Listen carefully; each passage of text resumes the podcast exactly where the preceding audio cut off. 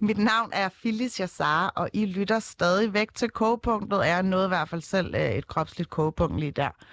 Øh, cringe, men... Øh, Sygeplejerskekonflikten ulmer nemlig fortsat, og statsminister Mette Frederiksen pustede atter til gløderne, da hun tidligere på måneden på et coronapressemøde bad sygeplejerskerne om at tage en ekstra tørn.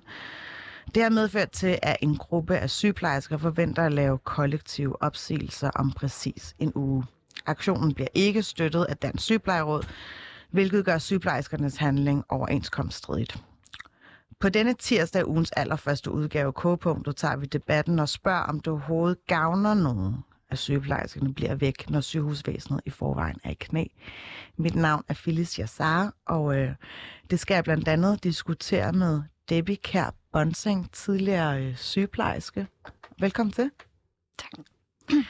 Og øh, Emilie Haug Rasch, udtaler jeg dit navn rigtigt? Helt korrekt. Altid. Du er sygeplejerske netop blevet valgt ind i Region Hovedstaden for enhedslisten. Ja. Og så har jeg med på en telefon øh, Thomas Sørensen, som er sygeplejerske, men som arbejder pt. i Norge. Er du med, Thomas? Det er jeg også, ja. Altid også. Okay, jeg vil gerne lige åbne ballet med et klip fra uh, Mette Frederiksen, fordi uh, hun sendte nemlig en appel, en opfordring til sygeplejerskerne, da hun den 8. november, 8. november undskyld, holdte det her pressemøde angående coronasituationen. Jeg og vi beder jer om, at I yder ikke bare en indsats, for det gør I fuldt ud allerede, men også en ekstra indsats. Igen for Danmark har igen brug for jer. Danmark har igen brug for jer. Thomas og Emilie og Debbie, øh, som forholdsvis tidligere sygeplejersker og nuværende sygeplejersker, hvad, hvad tænkte I, da I hørte det her? Lad mig starte med dig, Emilie. Altså, jeg står her helt sådan, og sådan, det, det er super tokrummende, synes jeg, at hun lige siger, vi skal, have, vi skal have brug for jer igen. Vi skal bede om at yde en ekstra indsats igen. Hun får simpelthen sagt, ja, vi ved godt, at I har allerede knoklet og knoklet og knoklet, men nu har vi altså brug for jer igen. Men på intet tidspunkt er vi blevet anerkendt. Jeg blev sindssygt provokeret, og det kunne jeg også se på alle sociale medier. Det gjorde mm. rigtig mange af mine kollegaer også. Mm. Og, og Grete Christensen, som er jo formand for Dansk Suppleråd, var faktisk øh, blevet inviteret til en samtale den efterfølgende dag. Øh, det kan vi lige grænske i lidt mere, fordi jeg venter stadig at få en reaktion på Debbie i forhold til du sad jo lidt i en anden situation. Du havde jo allerede sagt øh, din sygeplejerske stilling op der. Ja, det havde jeg. Øhm, jeg sad derhjemme, og jeg fulgte med. Øh, og selvom jeg ikke er i faget længere, øh, så var jeg rådglidende. Altså, jeg, jeg, var, øh, jeg var hissig på sygeplejerskernes vejen, og jeg tænkte, kan hun virkelig tillade sig at stå og sige det der? Øh, selvom, selvom jeg ikke er i faget. Øh, og jeg, jeg, jeg fik ondt i maven på min øh, eks-kollegaers vejen. Altså, det, det, det gjorde jeg. Mm. Det gjorde ondt. Gør det lige så ondt i din mave, Thomas Hansen? Nej, altså jeg tror ikke, jeg fik ondt. Jeg tror mere, at det er jo mere det med, at jeg blev, altså, at jeg blev, øh, altså det var, det var jo hovedrysten. Altså man kunne jo se på Mette Frederiksen, da hun sagde det, at hun lige jo da godt vidste, at, at hun pissede i modvind. Altså, det, det, altså, det var jo tårkrummende at se på. Og, og, og, øhm, og for mig tror jeg mere, det var det med, at, at, at tænke, man har den frækhed, altså at stille sig op, efter at man igennem så mange måneder har har vendt ryggen til landets sygeplejersker og sundhedsansatte generelt, og så vende sig om med åbne arme og sige, vi har brug for, I lige, I lige yder lidt igen, mm. men vi har ingen intention om at anerkende jeres indsats. Altså hvad, det, øh, ja. Hvad var din, øh, hvad skal jeg sige, intuition? Hvad, hvad, hvad, hvad, hvad for en fornemmelse havde du ligesom i, i hovedet, eller i maven, lad mig spørge sådan? Altså, hvad havde du egentlig lyst til at gøre i effekt? Altså, man kan sige, at jeg tror ikke, altså nu, nu arbejder jeg jo i Norge, jeg skal ikke klage over mine, mine forhold sammenlignet med, med, med, med mine danske kollegaer. Altså jeg, jeg har det sgu meget godt, både i forhold til, til patientsikkerheden og i forhold til, øh, til det her med at, at føle sig føle sig både anerkendt øh, lønmæssigt, men så sandelig også det her med, at man føler sig tilstrækkeligt på sit arbejde. Mm. Øh, så, så jeg kan ikke klage. Jeg var måske mest egentlig bare glad for, at, at jeg sidder i Norge, øh, frem for at jeg sidder i Danmark, øh, når man så kigger på det. Og øh, jeg skal bare lige have lidt baggrund for, øh, hvorfor du egentlig arbejder øh, i, øh, hos vores skandinaviske nabo. Øh, ligger der det, en vigtig årsag til det, eller? Ja, det gør det. Altså, man kan sige, det er, jeg startede her i Norge den, øh, den 20. september, og det var jo kort tid efter, at, øh, at regeringen havde lavet et indgreb mod, øh, mod landets sygeplejersker. Og, og det var jo et indgreb, hvor at man kunne, kunne se ind i, at, at man havde ikke tænkt sig politisk at gøre noget ved, ved de rekrutteringer og fastholdelsesproblematikker, der er blandt landets sygeplejersker. Og, og for en stor del af os, der handler rekruttering og fastholdelse jo om mulighederne for at skabe et bedre arbejdsmiljø og nogle rammer, som gør, at vi ikke bliver syge af at gå på arbejde, og hvor vi kan stå inden for kvaliteten, der bliver lavet. Mm. Og, og, og der, blev, der kunne vi kigge ind, ind i en treårig overenskomst, hvor at, at det har man ikke intention om at gøre noget ved. Mm. Det ville tidligst blive 24. Og, og der må man sige, det har jeg ikke intention om at vente på. Altså det er simpelthen for, det bliver man syg af at gå på arbejde i. Mm. Øh, Debbie Kær Bonsing, øh, du er nu ejer af en kagecafé. Ja. Øh, og det lyder øh, godt nok lidt som en anden boldgade, men men, men øh, nu har vi jo også lige fået en reaktion fra dig om, hvad du ligesom tænkte, men, men havde du, altså, hvordan er det egentlig at forlade sit fag? Det er, øh, det er befriende, øh, fordi jeg står ikke i det til hverdag, men jeg har ikke ondt, når jeg går i maven, øh, når, jeg går, når jeg tager på arbejde. Øh, jeg har ikke øh, koldsved, jeg har ikke øh, fysiske symptomer. Jeg er glad, når jeg går på arbejde. Jeg glæder mig til, at jeg skal på arbejde. Mm. Øh, havde du fysiske symptomer, da ja, du var det havde sygeplejerske? Ja. Øhm, jeg, øh, jeg nåede at være sygeplejerske i 14 måneder, og så lagde jeg mig med en stresssygemelding. Øh, min menstruation udeblev, jeg havde hjertebanken, jeg havde øh, ondt i hovedet, migræneanfald, mere end jeg plejer at have. Øhm, og så var jeg sygemeldt i to måneder og fik et andet arbejde. Øhm, og begge steder var der noget med noget ledelse, øh, som jeg ikke synes var i orden. Øh, og de kørte en, hvad skal jeg kalde det, en en ledelsesstruktur, der ikke var forenlig med mine mål og værdier for sygepleje mm. øh, og, og medarbejderpleje. Øhm, og det skulle jeg bare ikke være med til mere. Mm. Så, så jeg gik selvstændig. Øhm, og det kan godt være, at jeg havde mange dobbeltvagter og pålagte vagter, da jeg var sygeplejerske. Jeg arbejdede rigtig meget. Øhm, lige nu arbejder jeg 70 timer om ugen, øh, 6 dage om ugen, og jeg har tre små børn, som jeg næsten ikke ser, men det vil jeg hellere, mm. fordi det er selvvalgt. Mm. Øh, og jeg, jeg glæder mig til at gå på arbejde hver dag. Jeg synes, det er sjovt. Mm. Og det skal man. Man skal, ikke, man skal ikke blive syg af at gå på arbejde. Man skal ikke have ondt i maven. Man skal ikke begynde at få fysiske symptomer og, og, og have ondt i maven over ens egen indsats, og øh, hvad nu med den patient, og nu overlader jeg det her til mine kollegaer, og have, have dårlig samvittighed, og øh, ej, ved du hvad, mm. nul eller niks. Nul eller niks. Nej. Emilie, nu har du jo ført øh, hæftig valgkamp, og øh, du er blevet valgt ind i regionsrådet med hele 11.000 stemmer. Tillykke med det. Tak skal du have. Du er faktisk den eneste, der har holdt ved ved din profession, i hvert fald i studiet. Øhm, hvad, hvordan kan det egentlig være? Jamen, jeg tror grundlæggende, og det tror jeg i virkeligheden gælder både for, øh, for Debbie og for Thomas, at når man, når man er sygeplejerske, så elsker man det, når det når det kan fungere. Når man kan levere den kvalitet og høje faglighed, som man ønsker, og som man rent faktisk har uddannet sig til, så elsker man at være sygeplejerske. Jeg elsker i hvert fald at være sygeplejerske, især når jeg har tid til mine patienter. Hvornår glæder du dig mest til at gå på arbejde? Det er, når jeg ved, at vi er nok på arbejde til, at vi kan øh, komme hele vejen rundt om patienterne og sørge for at kigge dem i øjnene og ikke kun øh, løbe rundt og sige, undskyld, jeg kommer tilbage lige om lidt, for jeg har faktisk ikke tid til at være her. Øhm, og så er det når, at øh, man ved, at man, at man bliver anerkendt for det arbejde, man gør, øhm, og ikke, ikke kun øh, eller hvad siger man, ikke med, med et honninghjerte og ikke med klapsalver, men med rent faktisk anerkendelse, både øh, lønmæssigt og, øh, og ledelsesmæssigt. Nogen, der kan finde ud af at, at sige til en. Men den anerkendelse møder I ikke også den nogle gange på, altså på, patient, på patientplan? Altså, øh, det er jo også meget, når man tænker, tænker altså grunden til, at man gerne vil uddanne sig til sygeplejerske, er vel også, den helt gængse, man gerne vil gøre en forskel, og man vil gerne øh, hjælpe andre, der er i nød. Er det, ikke, er det ikke det, der er også den alt overskyggende motivationsfaktor? Helt klart. Altså, når man, altså jeg vil ikke sige, at det er den alt overskyggende, men det har, det har jo en kæmpe, kæmpe stor betydning, at ens patienter kan mærke, at man gør sit bedste, og man gør noget godt, og man rent faktisk er med til at behandle ikke øh, rigtig mange steder.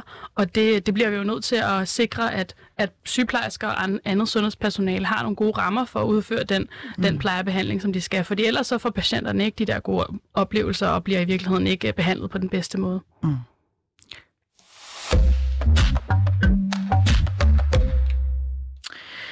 Nu skal jeg byde velkommen til endnu en gæst, som vi har med over telefonen. Det er dig, Christine Dahl. Du er sygeplejerske på Gentofte sygehus, og du er netop blevet genvalgt til Regionsrådet i Region Hovedstaden for Venstre. Velkommen til. Tusind tak. Øh, jeg vil gerne lige afspille et klip med øh, Marietta Petersen, som er forkvinde i Forening Danske Sygeplejersker. Klippet, jeg har hentet, øh, er fra P1 Orientering øh, den, 19, den 9. november, og Marietta skulle faktisk oprindeligt have været her i dag, men ligger desværre syg. Men øh, vi skal lige høre, hvad hun har at sige. Jeg fornemmer egentlig, at øh, der har været sådan rimelig meget øh, tavshed fra statsministeren de sidste 20 uger, øh, hvor hun ligesom har taget skyklapper på og øh, har ignoreret den kamp, der har været, hvor vi som sygeplejersker har stået og prøvet at gøre opmærksom på, at der er noget, der er markant uholdbart. Og så har hun stukket næsen i sporet og passet sin, sin egen biks. Og det er jo også en rigtig vigtig ting for en statsminister, men øh, det er jo sådan set også lidt det, som jeg fornemmer, at sygeplejerskerne har tænkt sig at gøre i forhold til øh, Mette Frederiksens appel til sygeplejersker. Så når du taler med dine kolleger rundt omkring, Tror du så, at de vil følge opfordringen til at give den en skalle? Det tror jeg, at de har gjort i meget, meget lang tid. Faktisk så tror jeg, at øh, den øh, manglende respekt og anerkendelse, der har været omkring øh, den kamp og de opråb, vi er kommet med, måske kan være direkte årsag til, at mange, hvis de bliver presset ud i at være yderligere fleksible, end de allerede er, vil vælge at gå sin vej. Altså stikke næsen i sporet og passe sin egen bæks. Øhm, Christine Dahl, du er selv sygeplejerske. Genkender du de forhold, som Marietta beretter om her? Ja, men det gør det. Jeg har selv været øh, udlånt til en række afsnit, der har været voldsomt presset her i løbet af det sidste år. I vinter der passede jeg også øh, rigtig mange covid-patienter og oplevede flere gange, at der var kollegaer, der gik hjem med tårer i øjnene efter rigtig, rigtig hårde vagter. Og jeg tror, det er den her frustration, man mærker sygeplejerskerne råbe op om nu. Man føler sig ikke, ikke hørt af, af Christiansborg og regionspolitikerne i den her sag, hvor man i overvis har råbt op om nogle vilkår på, på afsnittene med et meget, meget stort arbejdspres, som så kun er blevet endnu større af den her pandemi, der er kommet. Mm. Og da pandemien den så begyndte at være på tilbagegang, så kom der alle de her pukkelafviklinger og mange patienter, som jo var blevet udsat på grund af øh, pandemien. Der blev vi bedt om at, at tage en tørn i, igen. Og nu øh, er pandemien desværre på, øh, på tilbagegang, og igen så bliver sygeplejerskerne bedt om at, øh, at tage en tørn for at, at løfte den her kæmpe store samfundsopgave, som det er at passe de her syge patienter. Men, og jeg men tror ikke, hvad... man føler sig anerkendt. Undskyld, øh, ja, øh, men, men hvad er egentlig problemet i dine øjne? Fordi den her tredje bølge har egentlig været varslet tidligere før. Er, er problemet, at øh, politikerne ligesom øh, faktisk ikke rigtig føler sig forberedt på den, eller er problemet et helt andet sted? Jeg tror, problemet er, at øh, politikerne lidt har lukket øjnene for, at den her tredje bølge, den, øh, bølge, den har rullet ind over landet. Nu har vi også stået i en øh, kommunal- og regionsvalgkamp, hvor der har været fokus på at få flest mulige stemmer. Og øh, for at være ærlig, så har der jo ikke været øh, så mange øh, stemmer at hente blandt øh, sygeplejerskerne, der i den grad ikke har følt sig hørt. Mm. Så rigtig meget af den her debat, den har bare ikke været op at vende i, øh, i de sidste uger, og det er sindssygt ærgerligt, fordi arbejdsmiljø, rekruttering og uddannelse af nye sygeplejersker, det burde bare have været en essentiel del af valgkampen. Mm. Men, men nu sidder du i en fordelagtig position. Du er blevet genvalgt i Regionsrådet for Region Hovedstaden. Øh, har du ikke midlerne til at kunne løse det her, eller sætte det, hvad skal jeg sige, sætte det på dagsordenen? Det kan du tro, jeg har. Og øh, jeg vil også sige, at Venstre stiller med en ret øh, stærk dagsorden på netop det her område. Hvis vi skal se helt på den korte bane, så er det øh, noget med at sikre, at øh, man, man går til det her arbejde med også at få trukket nogle andre arbejdsgrupper tilbage i sundhedsvæsenet, som man igennem overvis desværre har, øh, har fjernet fra hospitalerne. Så vi sikrer, at vores øh, fagprofessionelle de bruger deres tid med patienterne og ikke på at fylde op i skabe og øh, på rengøring af stuer. Og, hvad er og, det for øh, nogle arbejdsgrupper, bare lige så vi har lytterne med her? Jamen, det kunne blandt andet være servicemedarbejdere, det kunne også være øh, øh, social- og sundhedshjælpere, som, øh, som bliver trukket tilbage til, til de arbejdsopgaver, der er relevante på hospitalerne. Mm. Øh, Emilie, nu kommer du snart til at sidde i, i regionsrådet for, altså inde hos Regionshovedstaden sammen med øh, Christine Dahl. Er det ikke sød musik i dine ører? Jo, og, og hej Christine. Øh, dejligt, at du også er med. Jeg, øh, jeg har også talt med Christine løbende i den her valgkamp, og jeg tror i virkeligheden bredt set, så er alle partierne rigtig, rigtig opmærksomme på den her dagsorden. Jeg er ikke helt enig i, at vi ikke har talt om det i valgkampen. Jeg har talt med rigtig mange også sygeplejersker om det her. Øh, jeg tror bare også, der er et problem i, at øh, regionen ikke kan løse det alene.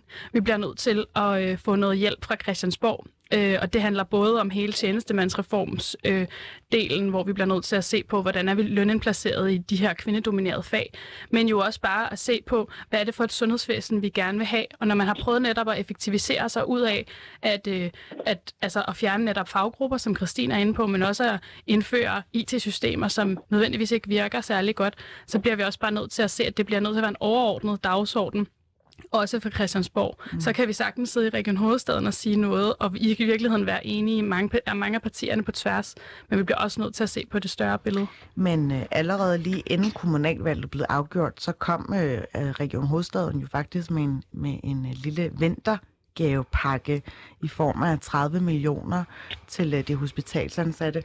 Øh, er det ikke nok?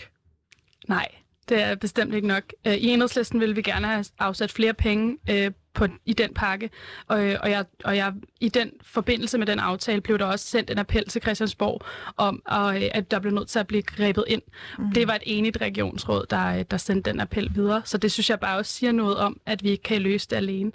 30 millioner, det, det er en, en start. Det er i hvert fald ikke nok. Hvad foreslår I enhedslisten så? Jamen blandt andet øh, foreslår vi overordnet fra enhedslistens side af, at man bliver nødt til at afsætte de her 5 milliarder, som skal gå ind og kigge på øh, lige og lavt lønsproblematikkerne. Øh, det er jo generelt de kvindedominerede fag, som er rigtig meget underlagt det her.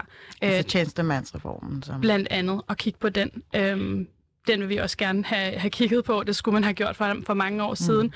Øh, så på den måde, så, øh, så er der masser, vi kan gøre. Vi mm. bliver bare nødt til også at have flertal for det. Jeg skal lige spørge begge to nu, hvor, øh, hvor I meget snart skal påbegynde øh, det nye år i, i regionsrådet i Region Hovedstaden. Øh, hvad, øh, altså er, er højere løn bare en del af svaret, eller, eller hvordan skal man ellers gribe det an? Højere løn er jo ikke den eneste del af det her svar, fordi rigtig mange sygeplejersker er jo sindssygt glade for deres fag, men de har nogle arbejdsvilkår, der slet ikke øh, der, der slet ikke inviterer til, at man har lyst til at, at arbejde på mange af vores hospitaler. Så det er i den grad de her arbejdsvilkår, vi bliver nødt til at, øh, at se på os. Og det løser vi jo ikke ved, ved bare at kaste et masse ekstra penge ind i, ind i systemet. Vi bliver simpelthen nødt til at have en grundig gennemgang af arbejdsopgaver, ansvarsområder, og netop sikre, at man frigiver de rigtige ressourcer til de rigtige opgaver. Mm. Øh, Må jeg sige noget der, Philip? Ja, selvfølgelig. Øh, øh, fordi jeg, jeg er i virkeligheden meget enig. Løn er ikke den eneste øh, det eneste, den eneste løsning. Jeg tror også bare, at vi bliver nødt til at anerk- eller erkende, at hvis vi skal have sygeplejersker tilbage i faget, folk der forlader faget, for eksempel som Debbie og som Thomas, der tager til Norge, så handler det også om løn. Fordi det handler også om, at man, at man skal kunne leve det liv, man gerne vil, og der er øh, sygeplejersker og andet sundhedspersonale øh, bare lønindplaceret lavt. Så hvis vi også vil sørge for, at det er attraktivt at komme tilbage, så bliver vi også nødt til at se på løn. Mm. Og, og flere sygeplejersker tilbage skaber også et bedre arbejdsmiljø. Så det bliver man også nødt til at kigge på. Fordi det ligesom reducerer arbejdsbelastningen. Ja, så det er også en ond cirkel. Altså, at flere forlader faget, så bliver der også travlere på gangene. Øh, vi skal have flere tilbage. Mm. Øhm. Christine, hvordan vil du garantere, at, øh, at, at vi går ind i det nye år med at have mere, eller have, være bedre til at rekruttere sygeplejerskerne, og dermed også fastholde dem i deres øh, profession? Jamen det er klart, der er selvfølgelig det her helt, på den helt korte bane, at vi skal, vi skal sørge for at få, få nogle flere ind i sundhedsvæsenet, de steder, der mangler. På den lange bane, der tror jeg, at vi skal prioritere uddannelse og forskning og øh, lave nogle attraktive arbejdspladser, som også klæder vores sygeplejersker på til de mange øh, nye opgaver, man har fået rigtig mange steder på grund af mere komplekse patienter. Mm. Og, øh, nu har vi jo to øh, gæster med, som jo øh, desværre har forladt sygeplejerskefaget. Øh, Jeg laver lige en hurtig test på dem. i forhold til dit forslag. Øh, Debbie, øh, i tilfælde af, at du, øh, nu har du lige fortalt, at du desværre havde nogle øh, psykiske og fysiske men af at tage på arbejde, hvor du også begyndte at græde. Øh, det her forslag med, at der måske øh, skulle have været, øh, hvad skal jeg sige, mere vejledning, mere uddannelse i, hvordan man kan håndtere forskellige artede øh, patientgrupper. Øh, kunne det måske have dig til at varetage dine opgaver anderledes? Altså, du tænker på, på uddannelsen? Ja. øh, jeg, jeg synes, der er nogle mangler i vores uddannelse. Der er mange, der siger, men du vidste vel, hvad du ville gik ind til. Du vidste vel, hvad du skulle, når du blev færdiguddannet. Hvem har spurgt det? Øh, når jeg har snakket med folk, når jeg har mm. øh, nede i min kagecafé, folk siger, hvad lavede du før jeg var sygeplejerske? Nå, men du vidste hvad du gik ind til. Øh, nej, det tror jeg faktisk ikke lige, jeg var forberedt på. Øh, kæmpe chok at komme ud øh, på en medicinsk afdeling, som jo egentlig har ry for at, øh, at sejle øh, på de medicinske afdelinger. Jeg var et virkelig godt sted, med en virkelig god ledelse og en virkelig, virkelig dygtig afdelingssygeplejerske, og jeg var glad for at gå på arbejde. Jeg elskede at være sygeplejerske. Mm. Hun gik på barsel, vi fik ny ledelse. I dag er der ikke en eneste sygeplejerske tilbage på den afdeling. Øhm, og, og jeg har tit stået i, i, i situationer, hvor jeg ikke har vidst, hvad jeg skulle, fordi jeg ikke har været klædt på nok til det. Mm. Øhm, jeg er kommet igennem hele sygeplejeuddannelsen uden at have øh, stukket nål i et andet menneske. Og folk siger, hvordan kan du det? Jamen det kan jeg, fordi jeg ikke har været på de rigtige afdelinger i min uddannelse. Jeg har været i øh, psykiatrien, øh, som var en 10 ugers lang øh, observationsklinik, øh, hvor, hvor jeg ikke havde fingrene i noget psykiatrisk. Jeg sad ikke med nogen tabletter, jeg havde ikke nogen, med nogen patienter at gøre. Jeg skulle sidde og observere i 10 uger. Mm. Så der er helt klart nogle ting i min uddannelse. Altså det er under, jeg er blevet færdig, fordi at, øh, jeg har tit tænkt, det skal jeg ikke det her, fordi det får ikke noget ud af. Øhm, men, men noget i mig sagde, at jeg skal være sygeplejerske, mm. og jeg mm. savner det den dag i dag. Jeg kan mm. godt lide at være sygeplejerske. Jeg vil ønske, at jeg havde tid til at tage en enkelt vagt om ugen for at stadig være i faget. Øhm, fordi du savner det? Fordi jeg savner at være sygeplejerske. Jeg elsker mm. at være sygeplejerske. Mm. Men øh, det kommer ikke til at ske lige nu, som forholdene er lige nu. Jeg kunne godt tænke mig at stille et spørgsmål åbent til alle mine øh, fire aktører med her i, i dagens debatteam. Det er, altså, øh, hvis man øh, tillod øh, større grad af prestige, øh, altså kvæg selve sygeplejerskefaget, øh, vil det gøre, at der måske kunne være større tilstrømning på uddannelser, men også bare øh, selve rekrutteringsproblematikken ikke øh, vil være så stor en hovedpine? Jeg tror, som tingene er nu, har vi faktisk ikke sådan øh, synderligt svært ved at rekruttere til sygeplejerskeuddannelse. Der er rigtig mange øh, skønne unge mennesker, der drømmer om at, øh, at være sygeplejersker og give noget til andre mennesker. Jeg tror bare, også som Debbie siger, vi er simpelthen ikke gode nok til at klæde folk på til den virkelighed, de møder ude på vores hospitaler. Nu er jeg selv klinisk vejleder her på Gentofte Hospital, og jeg møder studerende, som er i slutningen af deres uddannelse, mm. som nærmest aldrig har fået lejlighed til at snakke med en patient, lært, hvordan man kommunikerer, lært, hvordan man øh, tager sig af alvorligt syge, døende mennesker. Og det er altså skræmmende. Det synes jeg siger lidt om, at vi øh, i den grad skal i gang med at, øh, at dygtiggøre vores, øh, vores personale til at, og, øh, at lære vores studerende, hvordan det er at, øh, at blive sygeplejerske, inden de kommer ud og møder virkeligheden. Mm. Øh, Thomas, jeg skal lige høre, er det nok, øh, hvis jeg lige har dig med på linjen stadigvæk, er du der? Ja, ja, det Smukt. er Er det nok til at tiltrække nye til fadet, tror du? Øh, nej, altså, det, det, jo, fordi både og. Ikke? Fordi der, er, der er jo mange sygeplejersker, som ønsker at være sygeplejersker. Unge mennesker, som har, som netop jo ser den værdi, der er i faget, uden at kende til forholdene, andet end det, de hører. Det er jo der, hvor vi får den der, vi taler faget ned øh, til i gang. Ikke? Men, men der er jo ikke nogen, der taler faget ned. Mm. Vi sidder også alle fire nu og siger, at vi elsker at være sygeplejersker. Vi, vi er glade for den uddannelse, vi har fået, den værdi, der er. Vi mangler ikke prestige i vores uddannelse. Vi, vi, øh, vi tiltrækker mange unge mennesker i forvejen, men vi mangler nogle rammer, hvor det er sådan, at når folk de er færdige uddannet eller er under uddannelse, altså kan de se sig selv på den anden side. Altså, folk bliver syge af at lave det, vi laver til hverdag. Og, og det er jo det er problematisk, at folk skal tilsidesætte deres eget helbred, deres egne familier og pårørende, for at kunne gå på arbejde. Altså, og, altså, og de får så ikke engang en løn, der er ligeværdig. Mm. Altså, det kan godt være, at løn kun er en del af det, men det er da i hvert fald absolut den første og nemmeste knap at skrue på. Og det er jo ikke fordi, der har manglet penge i Danmark de sidste to år. Tværtimod. Så at man, man ikke tænker, at vi vil godt bruge, nu siger Emilie så 5 milliarder. Jeg synes, de snakker om, at ligelønsproblematikken vil koste 20 milliarder om året men at man, man, at man kan finde penge til at nedlægge et helt erhverv, for eksempel, og til test, jeg ved ikke, hvor mange millioner om dagen. Men man kan ikke finde de penge, der faktisk er nødvendige for at sikre noget så basalt som ligeløn på det danske arbejdsmarked. Mm. Altså det, det, det, det synes jeg er, er, er beskæmmende på den danske regering og for vores politikere. Og nu kan jeg jo høre, nu sidder vi, vi er også de to regionsrådspolitikere her og siger, at de synes, at vi skal kigge på, hvordan at vi gør, gør arbejdspladserne mere attraktive, og hvordan vi får fordelt opgaverne, så det er de rigtige kompetencer, der løber dem. Men, men det er jo den effektivisering, vi har været igennem de sidste 20 år. Mm. Det er jo en af årsagerne til, at, at man har sparet stillinger væk, fordi det er en lille opgave. Den kan sygeplejersken eller social sundhedsassistenten godt selv klare. Hvor at, at, at det giver ikke mening. Altså, vi, vi kommer ikke udenom, at, at vi får ikke løst det her hen over vinteren. Det kommer til at tage mange år, før vi har sundhedsvæsen, hvor der er sådan, at både brugerne og de ansatte er stolte af at være der. Mm. Altså, det er ikke noget, vi får løst de næste fire måneder. Mm. Det kommer til at tage mange, mange år. Og den politiske erkendelse, den er der slet ikke nu. Noget, noget af den politiske... Ja, undskyld, jeg Noget af den politiske erkendelse har gået på, at man har nedsat den her lønstrukturkomité, som skal komme med nogle vejledninger eller guidelines i løbet af 2022 til, hvordan man ligesom får indhentet det her eventuelle øh, lønefterslæb, hvis det ligesom regner sig frem til det. Så på en eller anden måde har de jo gjort øh, noget, men, men, men som du selv siger, det bliver jo ikke, det, altså det hele øh, flasker sig jo ikke over en nat. Og øh, den her konflikt, altså øh, det kan godt være, at mange af sygeplejerskerne, de strækkede her i, øh, i sommeren, men der var jo ikke særlig mange, der blev mærke i det, fordi på det tidspunkt var sygehusvæsenet jo ikke presset i samme dur, jo, som vi ser nu.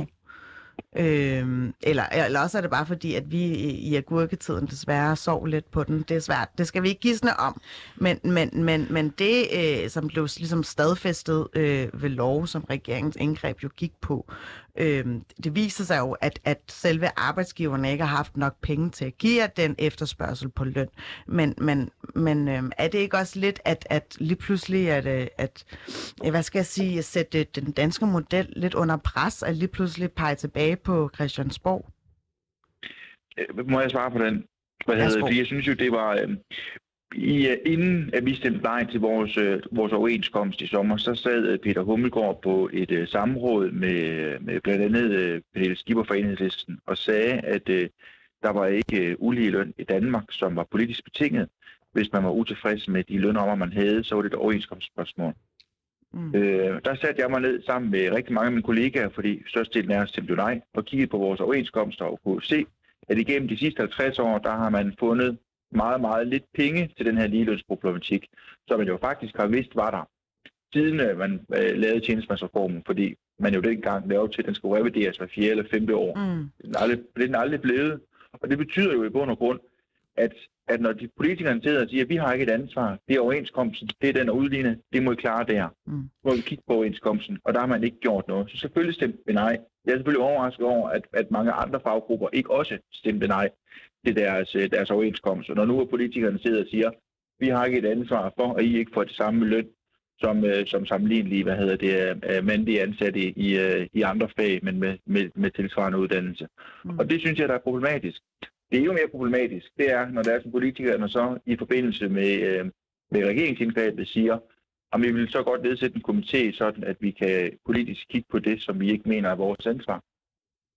Altså, jeg, jeg, jeg, er, jeg er harm over, at, øh, at den måde, man politisk har grebet det her andet på, man har blandet ligelønsproblematikken ind i et overenskomstspørgsmål. Mm. Øhm, og, og ydermere, så har de jo haft mange år til at handle. Altså første gang, at det her med ligeløn var, var, var noget, der, der blev undersøgt, var jo tilbage i 2008 der valgte man politisk ikke at handle. Mm. øhm, jeg bliver lige nødt til at afbryde dig, Thomas, fordi at, øh, vi har nemlig lige øh, Christine Dahl i de sidste par sekunder her, inden hun skal tilbage ja. på arbejdet.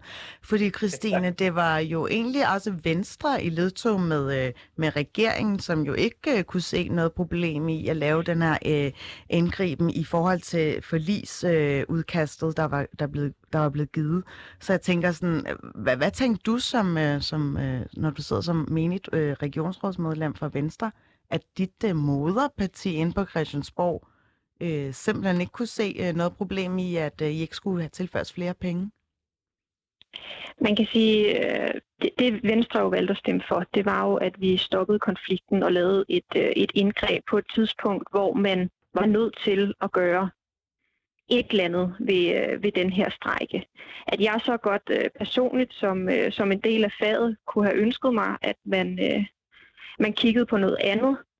Det, øh, det må jeg jo godt, må jeg jo godt synes. Øh, jeg tror i den kommende periode, når vi får nogle anbefalinger fra den her øh, kommission, der bliver vi bare nødt til på tværs af samtlige partier at stå enormt skarpt i, altså skal der altså også, der skal også komme noget ud af den her kommission. Fordi som du også hører øh, Peter fortælle, så Thomas. var der jo faktisk, undskyld Thomas øh, fortælle, så var der jo faktisk også en kommission tidligere, der netop har påpeget nogle af de problematikker. Ikke? Så den her, den skal bare ikke ende som en syltekrukke. Og der, øh, der bliver vi simpelthen nødt til at gå øh, tværpolitisk til værks og virkelig øh, presse på for, at man, øh, man kigger på, på de her udfordringer. Ja, og, og, og i studiet her, der sidder, eller der står øh, Emilie Havgræs og, øh, og nikker meget øh, enstemmigt. Øh, lige bare en sidste kommentar. Ja, altså, jeg tror også bare, det, det er så vigtigt, at vi sørger for at netop stå skarpt på, at vi bliver nødt til at forpligte os på at handle som politikere. Altså fordi, vi kan, vi kan også se det på jordmorområdet, at der er ikke nogen tillid til, at, poli- at når politikerne siger, vi vil gerne gøre noget ved det her, at det så rent faktisk sker. Mm. Fordi der er blevet gjort ting, og alligevel er der ingen tillid, og det forstår jeg godt. Så vi bliver nødt til at forpligte os på at handle. Jeg er helt enig. Christine Dag, du skal have tusind tak, fordi du havde lyst til at være med. Du skal nemlig tilbage til dit arbejde nu, og vi går nemlig videre i teksten. Øhm, de pressede arbejdsforhold på sygehusene har nemlig nu fået sygeplejerske på Rigshospitalet Luca Pristed til at oprette en begivenhed på Facebook. Her opfordrer han direkte sin sygeplejerske kolleger til at sige deres stillinger op fra den 30. november, og det er netop næste tirsdag. Vi har talt med Luca Bristed, men han kunne desværre ikke øh, deltage i dag. Øhm, Thomas, du er også med i denne her aktionsgruppe. Aktiongruppe hedder det vist. Øhm, men Jeg har i hvert fald et, øh, et indgående kendskab til den, kan man sige. altid, øhm, nu hvor øh, Luca ikke kunne være i dag, så kan du være hans substitut. Men øh, hvis du arbejdede i Danmark, det gør du jo ikke, vil du så sige dit job op på tirsdag? Altså, alt er jo relativt. Ikke nu har jeg jo kørt som vikar i mange år efterhånden faktisk, netop fordi jeg ønsker at bestemme selv. Altså, så det er jo svært for mig at sige op, når ikke at jeg er ansat. Mm. Øh, men der er ikke tvivl om, at jeg tror, at man som sygeplejerske i Danmark skal gøre op med sig selv, om hvorvidt at de rammer, man politisk tilbyder landets sundhedsansatte, om det er noget, man vil være med til på den lange bane. Mm. Og det er jo netop, som, øh, som, øh, som både Emilie og, og Tina sagde lige før, det er jo netop, at, at, at der, er ikke tillid. der er ikke tillid til, at politikerne rent faktisk følger op på det, de siger. Og, og nu er der gået, øh, nu er der så snart gået 53 år, sidste år startede op, der gået 52 år siden øh, den her tjenestemandsreform, den blev, øh, den blev øh, gennemstemt, og den er ikke blevet revideret endnu. Mm. Og selvom man ikke har snakket med den de sidste år, jamen, så er der ikke tiltaget til, at det politiske er noget, man vil gøre noget ved. Man skal lige, man skal lige analysere noget andet først. Så som jeg kan sige, jeg er højst sandsynligt sige op, hvis jeg var offentlig ansat, ja. Alright. Øhm, Debbie, du sagde jo op, som sagt, allerede i januar. Vil du have gjort det igen? Ja, Hvorfor? fordi jeg vil, jeg vil ikke være med til at arbejde i et system. Jeg, jeg vil ikke være med til at arbejde i et system, der, øh, der behandler sine medarbejdere på den måde. Øh, jeg, jeg vil ikke øh, være med til at, øh, at blive syg af at gå på arbejde. Mm. Så ja, det havde jeg gjort. Jeg havde også sagt min stilling op, og jeg havde fundet mig noget andet. Emilie, du sidder jo lidt i den øh, skærsild-position jo, fordi at når man øh, sidder i, i regionerne øh, som menig medlem der, og navnlig i Region Hovedstaden, hvor det her ligesom tilfælder at skulle ske, så øh, kan man jo egentlig øh, skyde de, dem, der opser sin stilling, dem kan man hive med ind i, i arbejdsretten og forfølge dem. Ja, altså som politiker i Region Hovedstaden kan man jo ikke støtte op om, øh, hvad hedder det, kollektive opsigelser. ja. Det er det samme, Dansk Sygeplejeråd heller ikke kan, øh, fordi det er overenskomststridigt. Øh, I enhedslisten bakker vi altså 100.000 procent op om frustrationerne i det her. Jeg forstår virkelig godt, hvorfor man øh, tænker, at det er vejen, fordi at vi jo har set, at strækkeredskabet øh, i den danske model virkede ikke. Kold, eller hvad hedder det, arbejdsnedlæggelserne, det har givet en masse øh, medieomtale, og gud, gud ej, de vil stadig ikke finde sig i de dårlige forhold. Hold da op, var sikkert en overraskelse. Så jeg forstår godt, at næste skridt øh, hedder kollektive opsigelser. Men øh, jeg kan altså, af god grund ikke sige, det skal vi bare gøre, sådan helt officielt. Men kender du andre på din afdeling, som gerne vil følge trop? Øhm, det, det er jeg faktisk ikke lige klar over. Nu har jeg været i en valgkamp i øh, en måned, hvor jeg ikke har gået på arbejde. Øhm, Nå ja, Så, så ja. jeg har ikke lige snak, snakket med dem for nylig, Mm. og jeg tror ikke, jeg vil kaste nogen under bussen. Jeg kunne godt tænke mig at høre jer alle sammen, fordi det der med at sige op, det, det går jo så bare ud over de resterende, der ligesom skal varetage arbejdet øh, den næste dag og den kommende måned. Øh, efterlader man ikke sine kolleger i en rigtig ærgerlig situation? Emilie? Altså, intentionen med en kollektiv opsigelse er jo at råbe op, og det handler jo om at sige, øh, vi kan ikke tåle, at, der, er- at al, hvis alle i Region Hovedstaden siger op lige om lidt, så er der nødt til at komme en handling inden på tirsdag. Jo jo, men det er jo ikke fordi, at alle i Region Hovedstaden siger op på tirsdag. Nej, men hvis, hvis, man, hvis man sagde, at, vi, at alle sygeplejersker sagde deres job op, som, som jeg tænker, at øh, den her gruppe er, er ligesom er der for, eller hvad man siger, ikke? At, det, at det er næste ligesom, kampskridt, mm. så, øh, så, så handler det om at, øh, at, at sige fra og sige nej på den måde, som man føler er den eneste mulige. Mm. Øhm, og altså man kan sige, det er jo ikke den enkelte sygeplejerskes ansvar, at der er nok sygeplejersker på arbejde. Det er ledelsens ansvar, og det er øh, arbejdsgivernes ansvar. Så der tænker jeg, at øh, hospitalerne må træde i karakter. Jeg tænker også, øh, altså sådan noget her med at, at efterlade øh, sine kollegaer i en, i en dårlig situation, hvor der er endnu færre hænder, men det er også for deres skyld. For jeg forstår godt, hvis man er enlig mor, og man ikke har råd til at sige sit job op, eller hvis man er, af andre årsager ikke har råd til at sige sit job op. Men hvis der så er nogen, der har, eller har mod til det, eller har et, øh, hvad ved jeg, har nemt ved at gå ud og tænke, om det her job, det, det har jeg allerede søgt, eller det kan jeg få, så, så, så er det også for deres skyld. Mm. Så siger vi op på jeres vejen for at bakke op om jeres sag, fordi vi er nødt til at gøre noget. Det er slut med flinkeskolen. Vi kan ikke blive ved. Men Thomas, øh, potentielt set, så øh, siger du, øh, hvis du nu var ansat i, i Region Hovedstaden, det er du jo ikke, men hvis du var, så ville du jo sige goddag til øh, arbejdsløshed og nej tak til dagpengeret, fordi den øh, bortfalder den første måned. Ja, Øhm, altså nu, har jeg, nu har jeg jo arbejdet som vikar i en del år, og man kan sige, at nu sidder jeg i Norge på danske lønninger, og der er jo en, en god øh, kurs i forhold til den norske krone. Der er rige muligheder for at tjene gode penge som, øh, som sygeplejerske, også selvom man ikke er offentlig ansat. Altså, der bliver jo startet nye vikarbrugere op på s- samlebånd i Danmark i øjeblikket. Jeg ved sågar, der sidder nogle sygeplejersker fra, øh, fra Foreningen af Danske Sygeplejersker og arbejder med at lave vikarbureau, hvor det er sådan, at den enkelte sygeplejerske bliver selvstændig, men bruger en fælles vagtbørs til at få vagter, hvad hedder det, på hospitalerne. Altså, der er mange muligheder for, at man som sygeplejerske kan få langt bedre løn og langt bedre selvbestemmelse over sin tid, og hvor man ikke kan blive pålagt magter og corona-afsnit og alt muligt andet, øh, hvis det er sådan, at man vælger at, at, at, at se sin stilling op i det offentlige for at, at, at finde andre løsninger. Altså, og ellers så kan man jo gøre som baby. Man kan jo øh, åbne en, øh, en, en kagebutik, eller man kan øh, lave en, en coach-virksomhed eller noget andet. Altså, der var jo undersøgelser for fem år siden, 10 år siden, der viste, at sygeplejersker skulle have mentalitet som jægersoldater for at klare, arbejds, for at klare arbejdspresset. Jeg tænker jo ikke, at det pres er blevet mindre af, at der er kommet en pandemi oveni. Altså, sy- sygeplejersker, når de knækker, er det jo fordi, at, at, at rammerne, vi arbejder under, er ekstreme. Ikke? Og, det samme, altså, og det er jo det, der er årsagen til, at folk vælger at sige op. Giver de op nu her på, øh, på tirsdag, så er det jo spændende at se, hvor mange det bliver. Altså man, nu, jeg har nørdet lidt i, øh, i, sådan i fortilfælde og sådan noget, og man kan sige, der var faktisk en kollektiv opstigelse blandt sygeplejersker tilbage ved konflikten i 95. Og det er jeg rigtig glad for, at du riser op i, fordi nu skal jeg nemlig byde velkommen til Ben Greve, som er professor i samfundsvidenskab på Roskilde, Universitet- Roskilde Universitet. Er du med, Bent? Det er jeg. Altid også. Fordi du kan måske gøre mig og lytterne lidt klogere på, hvad det betyder, når sygeplejersker ligesom varsler den her masseopsigelse. Øhm, allerførst, som, øh, som Thomas ligesom tager forskud på, har vi set noget lignende sådan rent historisk?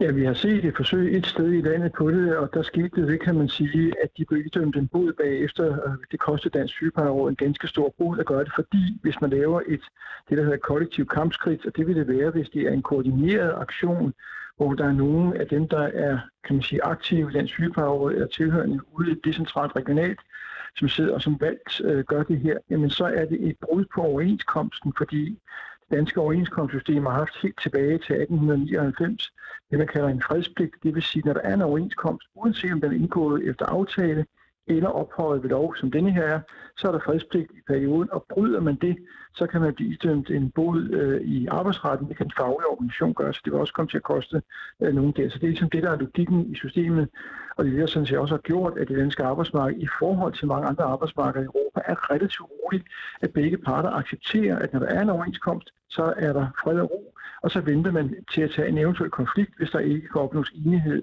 om en ny overenskomst i næste runde, og det vil sige på det her område i 2024. Men der har jo været øh, diverse konflikter, navnlig sådan i sensommeren, hvor der var øh, 10 ugers strække og nærmest 10 ugers arbejdsnedlæggelse. Øh, I forhold til øh, de, de historiske linjer, øh, kan du lige forklare, sådan, hvad skete der egentlig dengang i 1995, hvis det er det, du refererer til? Ja, men, men de vendte jo tilbage til arbejdsmarkedet ja. og vendte tilbage til deres job, hovedparten af dem, og det betyder jo, og det gør det jo, fordi at, at alternativet, deres de kunne ind på før, vil for mange være, at der ikke er nogen offentlig forsørgelsessystem, før der er gået en, en måned, øh, og når det er den måned så er givet for at gået, men stadig er inden for dagpengesystemet, så er man pligtig til at tage hver eneste arbejde, der er ledigt, og så vil man kunne få at vide, at man skal tage et job som sygeplejerske et andet sted, fordi det er nogle gange det, man har kompetence til, eller for den der skyld, et, et hvert andet job. Og derfor tror jeg sådan set heller ikke på, at samlet set, at det bliver et stort antal, øh, der vil sige, der stilling op. Der vil være nogen, og det er, jeg kan også godt høre, at der er nogen, der er stærkt utilfredse med, hvad der foregår, men jeg tror sådan set ikke, at det vil være mange, der gør det, fordi den økonomiske situation bliver usikker. Og ja, der vil være nogen, der kan få et job i et vikarbyrå, og ja, nogen vil kunne tage til, til Norge eller Sverige øh, og få et arbejde i men det er jo ikke det samme som, at det vil kunne suge ret mange op, øh, der, der går ledige. Og derfor vil min vurdering sådan set også være, at det, det, det vil der være nogen, der vil være begrænset, og at man skal være opmærksom på de eventuelle følgekonsekvenser, der kan være øh, af det her. Øh, så, så, så det, det er nok sådan, man kan sige, at den er ligger. Og de bødekonsekvenser for sådan en som mig, som ikke rigtig har studeret det nærmere, hvad løber det op i? Jamen det afhænger helt af, ligesom at der også var blevet givet øh, bod, da, da der var de der ulovlige nedlæggelser af strækning øh, en time og en dag i starten, mm. så afgør arbejdsretten i sidste instans, hvad boden skal være. Og det afhænger ved en, ved en vurdering være af, hvor, hvor stærkt har den kollektive ansvar været her, hvor mange har gjort det, hvilke konsekvenser har det været. Men det er, når vi snakker om noget, hvor at, at de faglige organisationer, hvis de bliver dømt øh, for kollektivt og kampskridt, så kan det blive ganske store beløb. Men jeg vil ikke sætte tal på, fordi det, det er helt umuligt at give en vurdering af i, i den nuværende situation. Mm. Alright. Du siger, at du siger, at du har givet bod i 95, organisationsbod. Ja, så det, det er korrekt. Ja. Altså, man siger, nu, jeg sidder nemlig i voldgiv, vold, øh, voldgivelsesafgørelsen, hvad sådan noget det hedder, og jeg kan ikke se, at der er givet organisationsansvar. Jeg kan også læse, at arbejdsretten har afvist at tage stilling til, hvad bodstørrelsen skulle være på, fordi de ansatte jo netop ikke har øh, udblevet for arbejde under opsigelsesperioden. Altså, som man kan sige, hele spørgsmålet omkring bod blev der jo ikke taget stilling til i 95. Ja, jamen, som jeg husker det, men, det, men jeg har ikke været tilbage til at tjekke alle afgørelser, så skete der noget bagefter, fordi det er jo ikke i opsigelsesperioden. Det er jo rigtigt. Det vil det være en diskussion af, om man udbliver eller ikke udbliver. Og så er det også været et spørgsmål om, hvor mange der så siger, det afhænger af, om der har været et kollektivt ansvar eller ej. Hvis det er nogle begrænset antal opsigelser, så man kan sige, passer det mønster, der, der er en gang om måneden, eller hvor ofte du nu vil gøre det op, af opsigelser, jamen så vil der jo ikke være noget kollektivt ansvar, fordi så er det folk, der har sagt deres job op, som der løbende sker på enhver arbejdsplads i Danmark, og det, der så sker derefter, er, at så, hvis man så udfører sit arbejde, jamen, så er der jo ikke noget ansvar nogen brud. Så det afhænger meget af alle de konkrete samlede omstændigheder, og dem har jeg ikke været tilbage til. Okay, det bliver meget ja, teknisk ja. øh, hvad der hedder, diskussion. Det må I lige tage øh, efterfølgende det her, fordi jeg kunne nemlig godt lige øh, tænke mig at få en reaktion på, på dem, der ligesom antager, at de gerne vil sige deres job op. Jeg har nemlig allerede taget en forventningsafstemning. Hvad siger I til Debbie, Emilie og Thomas, at I kan risikere at ende op med at skulle bøde for det her egen lomme, hvis man sagde sit job op sammen med en flok andre? altså nu, der kan jeg jo starte med at sige, at nu har jeg jo læst ind i det, og, og jeg deler ikke Bens bekymring. Uh, altså, jeg, skal, jeg, skal, jeg, skal, jeg, skal, jeg, skal, jeg, skal, jeg, skal, lige sige, jeg skal lige sige, jeg har ikke sagt, at der var et individuelt ansvar, hvis man siger sit job. Jeg har sagt, at, at diskussionen er, at hvis det bliver så omfattende, man kan sige, at nogle af de dele af dansk sygepleje, der skal bidrage til fred på arbejdsmarkedet under perioden. Hvis de bliver involveret, så gør det. Den enkelte kan blive mig efter min bedste vurdering ikke omfattet brug af den her, hvis man sætter sit job op, som sagt op, så skal man arbejde i opsigelsesperioden, opføre sig ordentligt der, og så er den del ud. Det der er diskussionen her, det er virkelig, om der er tilstrækkeligt mange, og man kan se, at der har været, at organisationen ikke har gjort, hvad den kunne for at undgå det her, og det er et kollektivt kampskridt, mm. man tager, så er det, der kan blive idømt en bod til organisationen. Mm. Ja, og Dansk Sygeplejeråd har jo også allerede været ude at sige, at de ikke bakker op om de her kollektive opsigelser. Øh, jeg tror også bare, jeg vil bare skyde ind, at det her, det viser jo bare den store krise, sundhedsvæsenet er i, at vi er ude i, at folk begynder at øh, gerne vil sige op. Mm. Øhm, fordi det er bare øh, et politisk ansvar at sørge for, at arbejdsmiljøet er ordentligt, øh, fordi, eller, altså, og at der er nok sygeplejersker, fordi vi kan mm. bare se, at det er ikke blevet taget hånd om så længe. Mm. Så nu er det derude, man er.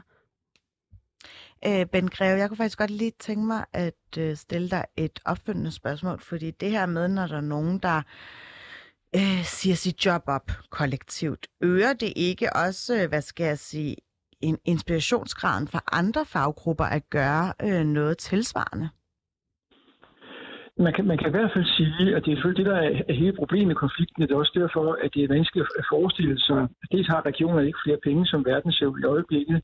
Dels er situationen jo, som til sagt, det er meget enkelt, den, at hvis man giver sygeplejersker noget, og jeg forholder mig ikke til lønniveauet eller arbejdsbetingelser, det vil jeg gerne understrege, det er ikke min boldgade, men hvis man gør det til sygeplejerskerne, så er problemet, det har vi allerede set FOA være ude at sige, så vil de også have, fordi de synes også, de har trukket et, et ekstra læs øh, i forhold til det her det her del, der gør. Og det vil sige, så betyder det virkelig en betydelig, eller medfører en meget stor risiko for, at man ved forhandlingerne i 2024 har svært ved at finde en løsning, fordi så vil nogen sige, så gør vi det samme, som sygeplejerskerne gjorde i 2021. Og derfor tror jeg sådan set, ud fra den måde, vi kender historisk, det måde arbejdsmarkedet fungerer på, at sygeplejerskernes bedste håb om at få et, et lønløft vil være, at den lønstrukturkommission, der sidder der, vil komme med et udspil, der peger i retning af, hvordan man kan løse det her problem. Fordi det, man jo også skal huske på i denne sammenhæng, det er, at hvis en gruppe på arbejdsmarkedet, som efter de andre har sagt øh, ja til overenskomsten, får en ekstra lønstigning, så vil det gøre andre forsøg næste gang. Kombineret med, at, at øh, hvis der gives en ekstra lønforhold her, så betyder det faktisk, at andre faggrupper kommer til at gå ned i løn på grund af taktreguleringsordningen. De så indregnes i den samlede lønstigningstakt i den offentlige sektor, og det her regulerer man så via taktreguleringsordningen. Så det betyder, at andre faggrupper i den offentlige sektor kommer til at se deres løn stige mindre, fordi man har givet noget til sygeplejerskerne. Og det vil ikke det er jo en penibel situation. Ja, altså... det er en vanskelig situation, og der så vil jeg sige, at det er svært at forestille sig, at man kan gøre det, fordi vi befinder os i den her situation, at der er de her indbyrdes relationer og indbyrdes måde at gøre det på. Og der har siden sidst i 80'erne været en, en tradition for, at lønudviklingen i den samlede offentlige sektor ligger på linje med eller lige underkanten med lønudviklingen i den private sektor. Og det klarer man så via taktreguleringsordningen. Mm. Men der har jo faktisk været nogle andre øh, lige, altså faggrupper, øh, faktisk i sundhedsvæsenet, som har sagt, det er jo for eksempel læger, der er ved at sige, jeg vil faktisk meget gerne øh, betale øh, af min løn for, at der kan komme flere sygeplejersker, fordi situationen er så kritisk lige nu, at jeg har brug for mine kolleger, der kan træde til. Så, så det er jo ikke fuldstændig uhørt, at der er nogen, der gerne, for eksempel læger, som sidder på nogle, på nogle helt andre overenskomster. Og vi har jo også haft en situation, hvor for at dække øh, sygeplejerske personale, der ikke, øh, der ikke øh, kan, kan, kan møde op, så er det selve den løn, som lægerne får, som, som dækker ind for sygeplejerskerne, hvor vi har set tidligere eksempler på. Øhm, altså, jeg kunne bare godt tænke mig at spørge øh, Thomas, som, som øh, har, har virkelig lagt hoved på blokken her, og godt kunne tænke sig at øh, kollektiv arbejdsnedlægge. Øh, hvad siger du til, at, at, at øh, altså det, som Ben Greve ligesom siger, at der er nogle andre faggrupper, der skulle øh, ligesom punge ud for, at du kunne få noget i din lønpose? Altså, jeg tror, at altså, nu snakker vi om, at løn var den nemmeste knap at skrue på, men det er jo ikke den eneste. Altså man siger, lærerne har jo øh, fået lavet aftaler om, at, øh, at de, de, nogle af de penge, de tjener i forhold øh, til deres corona-indsats, det er fritaget fra reguleringsordningen. Det kunne være en måde, at man kunne gå med, med sygeplejerskerne også, hvis det skal være sygeplejerskerne alene. Men som udgangspunkt er der jo ikke tvivl om, at reguleringsordningen, som den ser lige nu, har brug for en revidering.